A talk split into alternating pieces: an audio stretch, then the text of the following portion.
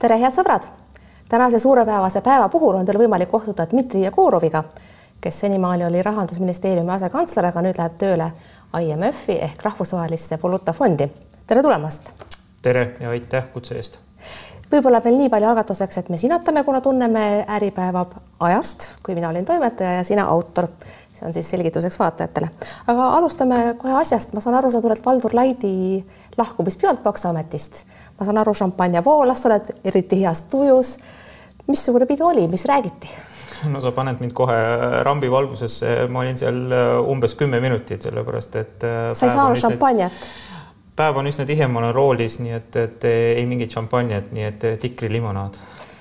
missugused meeleolud seal valitsevad, ollakse rõõmsad, kurvad, nostalgilised? maksu- ja Tolliametis on üldiselt äh, positiivsed inimesed, nii et äh, vaadatakse alati optimistlikult tulevikku, nii et äh, aga see on pigem selline mitte lahkumispidu, vaid lihtsalt sõbralik läbiastumine, et kes tuleb, kes läheb, ajame natuke juttu, nii et, et räägime sellest, mida minevikus head tehtud on sina ise oled pidanud juba mitu lahkumispidu. kuidas, oled lugenud kokku, mitu neid siis lõpuks oli? vähemalt neli oli küll ma vaatasin Facebookist, sind ikkagi on vallanud teatav nostalgia, selline ikkagi on olnud head ja edukad aastad ja kuigi noh, valitsuste vahetamine võib-olla on olnud keeruline, siis sina, ma saan aru, lahkud rahandusministeeriumist siiski sellise noh, positiivse tundenoodiga. on mul õige arusaamine asjast? Ikkagi natuke nostalgiat on, muidugi see konkreetne nostalgia selle Facebooki pildiga oli seotud ka sellega, et ma olin üksinda nädalavahetusel majas, sellepärast et tööpäevadel lihtsalt ei olnud aega, et asju pakkida. ja tõepoolest natuke selline tühi tunne oli ja, ja tühi kontor aga see on täiesti vabatahtlik otsus, äh, minu enda tehtud, äh, uued äh, väljakutsed, nii et selles mõttes vaatan ka optimistlikult tulevikku. no uutest väljakutsetest räägime kohe täpsemalt, aga kõigepealt ikkagi see, rahandusministeeriumi haldusalast lahkub kaks tippametnikku, Maksuameti juht ja sina asekantslerina säravamaid riigiametnikke, nagu sa meil oled. sellel peab olema mingi põhjus ja võib-olla isegi ühine põhjus. kas see on kuidagi seotud rahandusministri tema aetava poliitikaga või ei ole? teeme selle nüüd selgeks. ja ma saan aru sellest äh, vajadusest äh, uurida seda intriigi, aga tegelikult mingit intriigi ei ole, nii et, et äh, Martin Helmega kindlasti see seotud ei ole noh, ma ei oska muidugi nagu Valduri eest rääkida, et ma arvan, et Valdur peaks ise rääkima ja muide Valdurist rääkides nii palju, et tõepoolest nüüd, kui ta on ise rääkinud sellest, et ta ütles meile äh, töövestlusel, et äh, tuleb paariks aastaks ja me pidasime seda naljaks. nüüd mul tuleb meelde, ta tõepoolest sellest rääkis ja me ütlesime, et, et äh, noh, teenistustähtaeg üldiselt on viis aastat. aga no näed, sa oli kolm aastat ametis ja, ja mõned kuud veel peale. ja ka minu, minu enda osas on asi väga lihtne, et tegelikult mul oli plaan üldse olla ainult üks tähtaeg ehk siis aasta üheksateist oleks pidanud see lõppema ja kaheksateistkümnenda aasta lõpus me hakkasime kantsleriga, kes on minu otsene ülemus äh, rääkima väljavaadetest äh, ja tema otsene küsimus oligi, et äh, kas sul on praegu selliseid töökohti, mis oleksid võrreldavad ja, ja panedki ameti maha ja, ja ja lähed ära. ma ütlesin, et ei ole, no aga siis esita dokumendid uueks tähtajaks ja noh, juhul kui tuleb, siis, siis, siis ka lähed. nii et äh, nii ta läks. ja siis see tuli, kuidas IMF-ist tööpakkumisi saadakse või sa kandideerisid mingisugusele konkreetsele ametikohale? tegelikult ma olen äh, IMF-iga ja ka mõne teise organisatsiooniga teinud päris palju lühiajalisi missioone, mis on natuke teistsugune töö äh, võrreldes sellega, mida mina hakkan tegema aga sa jääd ikkagi nagu inimestele silma ja loomulikult pakutakse, et kuule, meil on avanemas selline koht, et äh, mis sa arvad. Nemad kutsusid sind, sina ei pakkunud ennast? Nad äh, kutsuvad jah, kandideerima konkreetsele kohale, kui nad on äh, veendunud, et võiks proovida, et vähemalt nii, nii see juhtus äh, minu puhul. no Valdur Laid ilmselt osteti üle sinna Kristjan Rahu poolt äh, fonde valitsema väga soliidse summa eest ja noh, ei saa inimesele pahaks panna, kui ta tahab niimoodi vahetada töökohta. miks ka mitte, aga ega sinagi ju sissetulekus ei kaota. mitu korda võidad, küsime nii äh, jah, pikas perspektiivis peaksin võitma küll, paraku kuna. aga mitu korda? Ega ma ei ole praegu tegelikult välja arvutanud, kui palju ma palgas, oma põhipalgast kaotan, sellepärast et ma ei koli praegu mitte kuskile, et IMF-is praegu on distantstöö ja mina töötan mõned kuud, võib-olla isegi kuni järgmise aasta keskpaigani hoopis Tallinnast ja kuna üks osa sellest palgas on koduigatsustasu ja mingit kodu ma ei igatse, siis äh, paraku umbes kolmandikust ma jään ilma, aga äh, vaesusse ei jää, et selles mõttes võib-olla, võib-olla aga kindel. ikkagi suurusjärk, mitte räägi mit, mit, mit, mitu korda? üle kahe. üle kahe. ja koduigatsustasu oleks siis üks kolmandik veel kui piinikoolid? Äh, jah, täpselt Viinis peaks olema see püsiv töökoht, kuna Viinis asub üks instituut, mis on kahasse ka IMF-iga tehtud ja osa tööülesannetest tulevikus saab olema siis selle instituudiga seotud aga tegelikult IMF-i peakorter on hoopis Washingtonis, kui ma õigesti aru saan, mis siis seal Viinis täpselt asub, kui, mis on see koht täpsemalt, kus sa tööle asud, juhul kui ükskord lennukid lendavad ja siit minema saad? Äh, küsimus on selles, et äh, IMF-il on olemas üle maailma sellist, selliste resident advisorite ehk siis resideeruvate nõunike, äh, noh, kas just armee, aga, aga jah, selline kollektiiv.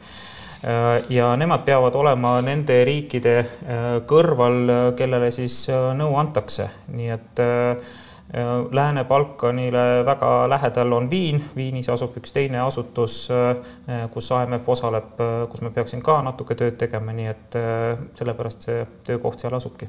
aga mille pagana pärast Balkani riigid, miks ei võiks olla sa meie mees Havannas, miks Balkani riigid?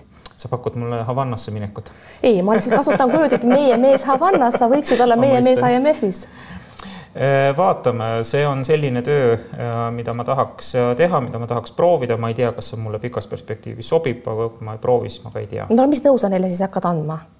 Noh, esiteks äh, ikkagi parimad praktikad, mis on juba IMF-i poolt kokku kogutud ja, ja nii-öelda vormistatud. Äh, ja eks on see minu jaoks ka õppimisvõimalus. Äh, tegemist on siiski prestiižse organisatsiooniga ja tegemist on tarkade inimestega, kellega koos ma hakkan tööd tegema, nii et loodetavasti osa sellest tarkusest kolib ka minu pähe ma loodan seda samuti. muide, see IMF ei ole võib-olla selline organisatsioon, mille peale me siin Eestis iga päev mõtleksime.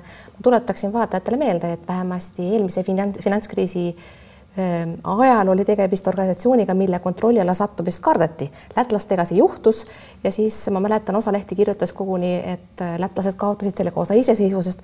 maru hea, et meil nii ei läinud kuidas praegu selle kontrollifunktsiooniga on, et kas need Balkani riigid satuvad ka siis IMF-i kontrolli alla umbes samamoodi nagu lätlased äh, finantskriisi ajal, sest meil on ju praegu koroonakriis IMF on siiski väga suur organisatsioon ja see, mida mina hakkan seal äh, tegema, see ei ole seotud sellega, mida tehti Lätis, nii et äh, mina hakkan nõustama ja vahendama teisi nõustajaid äh, selleks, et nad saaksid paremini oma maksuadministratsiooni ehk siis sealseid maksuameteid üles ehitada ja, ja paremini tööle panna arusaadav.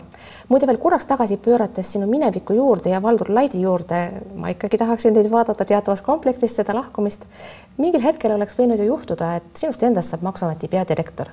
sellel ajal, kui sa õppisid Norra kõrgemas kommertskoolis ja kirjutasid Äripevale tarku artikleid, mida mina toimetajana siis avaldasin siis tollel hetkel eksisteeris teadmine, et Jegorov ikkagi õpib seal selleks, et tulla Maksuametit juhtima, kui mitte number ühe, siis number kahena.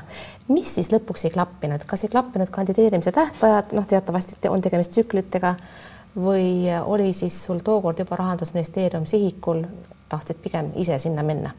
ma sain sellest ka väga huvitaval kombel teada, et, et millegipärast minust ei saanud peadirektor, aga, aga pidi, pidin saama jah, peadirektoriks, nii et, et ma ei tea, kust see teadmine pärit on, mul endal ei olnud sellist ambitsiooni. Äh, number kaks ma seal olin, äh, see kogemus oli mul käes. Äh, aga see oli juba varem?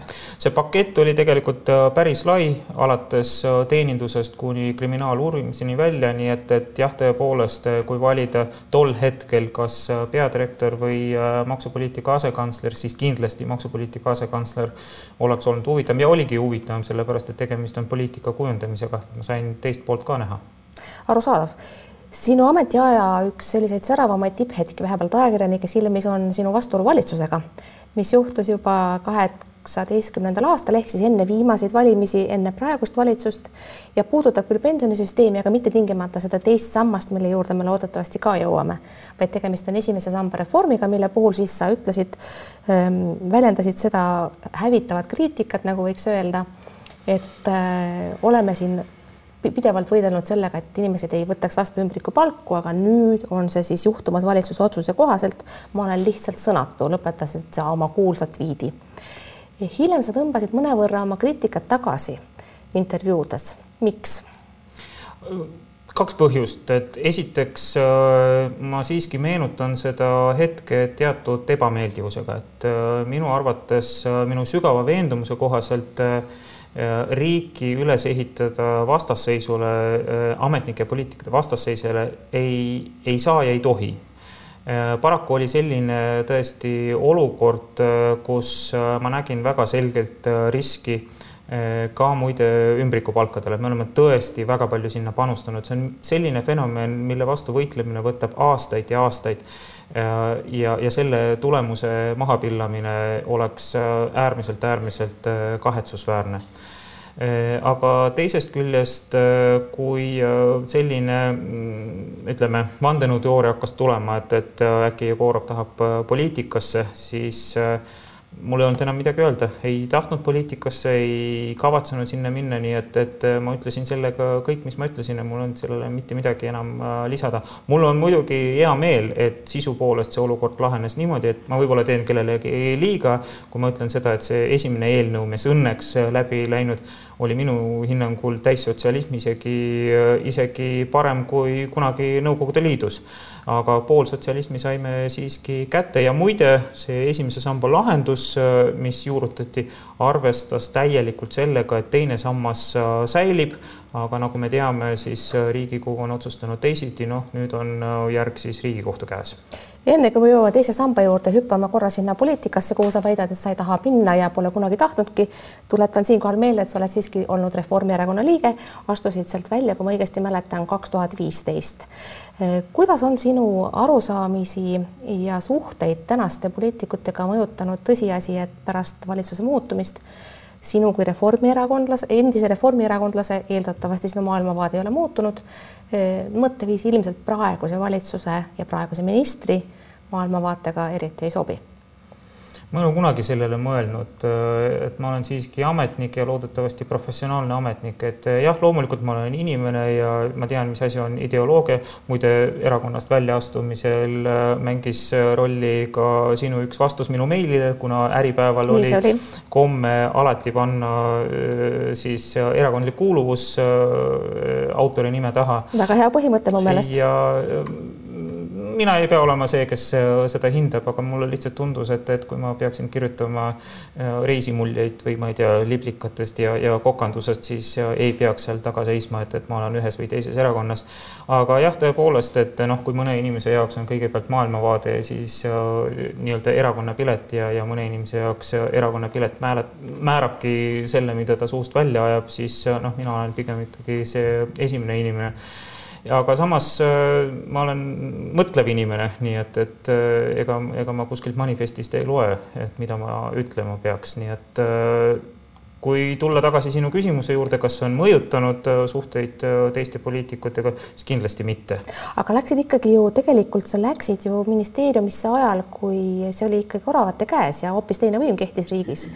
et äh, selles mõttes ma kujutan ette, siis kujutasid ka sina ette, et ajad lähevad edasi nii, nagu nad lähevad, läksid teisiti ei, ma ei mõelnud selle peale, et, et me ju teame, et poliitikud tulevad ja, ja lähevad, nii et eeldada seda, et poliitiline korraldus on täpselt selline, nagu ta on kogu aeg olnud, oleks rumal ja, ja oleks väga, väga ohtlik. muide, kellega ministritest sa oled kõige paremini läbi saanud? sa oled üle elanud mitu ministrit mul ei ole olnud probleeme ministritega. kellega on siis kõige toredam olnud, ütle niiviisi. Nad on kõik äh, inimesed ja kuna kõik inimesed on erinevad, siis äh, ma võin täiesti vabalt öelda seda, et ka kõik ministrid on olnud äh, erinevad. et neil on väga erinev suhtlemisstiil, neil on erinev energia ja neil on erinev fookus kes süveneb rohkem detailidesse ja kes vaatab üldisemalt. nii et erakordselt põnev on olnud kõigiga arusaadav. lubasin, et tuleme tagasi pensionisüsteemi juurde, see poliitiline kõrvalepõige jäägu siia praegu, kus ta on. teine sammas, see, see pensionisüsteemi lugu läks edasi, nagu sa viitasid, esimese samba reformi plaan, planeeriti hetkel, kui teise samba tulevik oli veel noh, ta ei olnud jõudnud sinnamaani, kus ta on praegu, eks ju. ei, teise samba puhul eeldati, et see jääb selliseks, nagu ta on, vähemalt ei anta võimalust inimestel välja võtta oma säästud ja kulutada need nii, nagu jumal juhatab. just, ja nüüd on er-, ühe erakonna kinnisideeks saanud selle teise pensionisamba pikalilükkamine, president on pannud ka ette, saatnud asjad Riigikohtusse. me ei hakka siin arutama selle üle, missugune otsus Riigikohtust tuleb, sest Helir-Valdor Seeder, Isamaa esimees, on öelnud, poliitiline tahe see reform ära teha on igal juhul. rahandusminister on öelnud, et kui see otsus ei võimalda reformiga edasi minna, siis teine sammas lihtsalt riigistatakse. siin on hästi palju aspekte ja seda otsust on, seda protsessi on väga palju kritiseeritud. ole hea, võtle kokkuvõtlikult, mis on selle ettevõtmise tulemus tulevaste pensionäride rahakotile kui see läheb läbi sellisel kujul, nagu see sai äh, esitatud siis äh, rahandusministeeriumi valitsuse poolt, siis ma soovitan lugeda seletuskirja lehekülge kaheksakümmend kaheksa ja kaheksakümmend üheksa, seal on üsna kokkuvõtlik tabel on olemas, mis ütleb seda, et see neli protsenti, mis tulevikus läheb mitte teise samba fondidesse, vaid esimesse sambasse, toob väiksema pensioni nii madalapalgalisele kui ka kõrgemapalgalisele inimesele eriti arvestada sellega, mis muutus on toimumas siis järgmisest aastast siis esimeses sambas. ehk siis äh, äh, see niinimetatud staažiosak äh, muutub niivõrd oluliseks.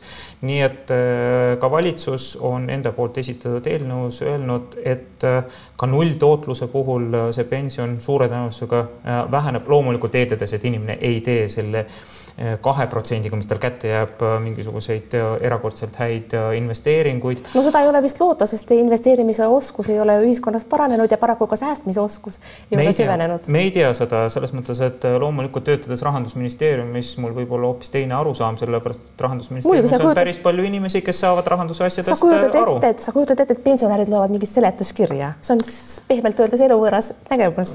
no ma loodan, et, et paljud inimesed siiski seda loevad, aga ka kas äh, nad otsustavad selle seletuskirja põhjal või emotsiooni põhjal siis äh, näha, et pigem selle teise põhjal.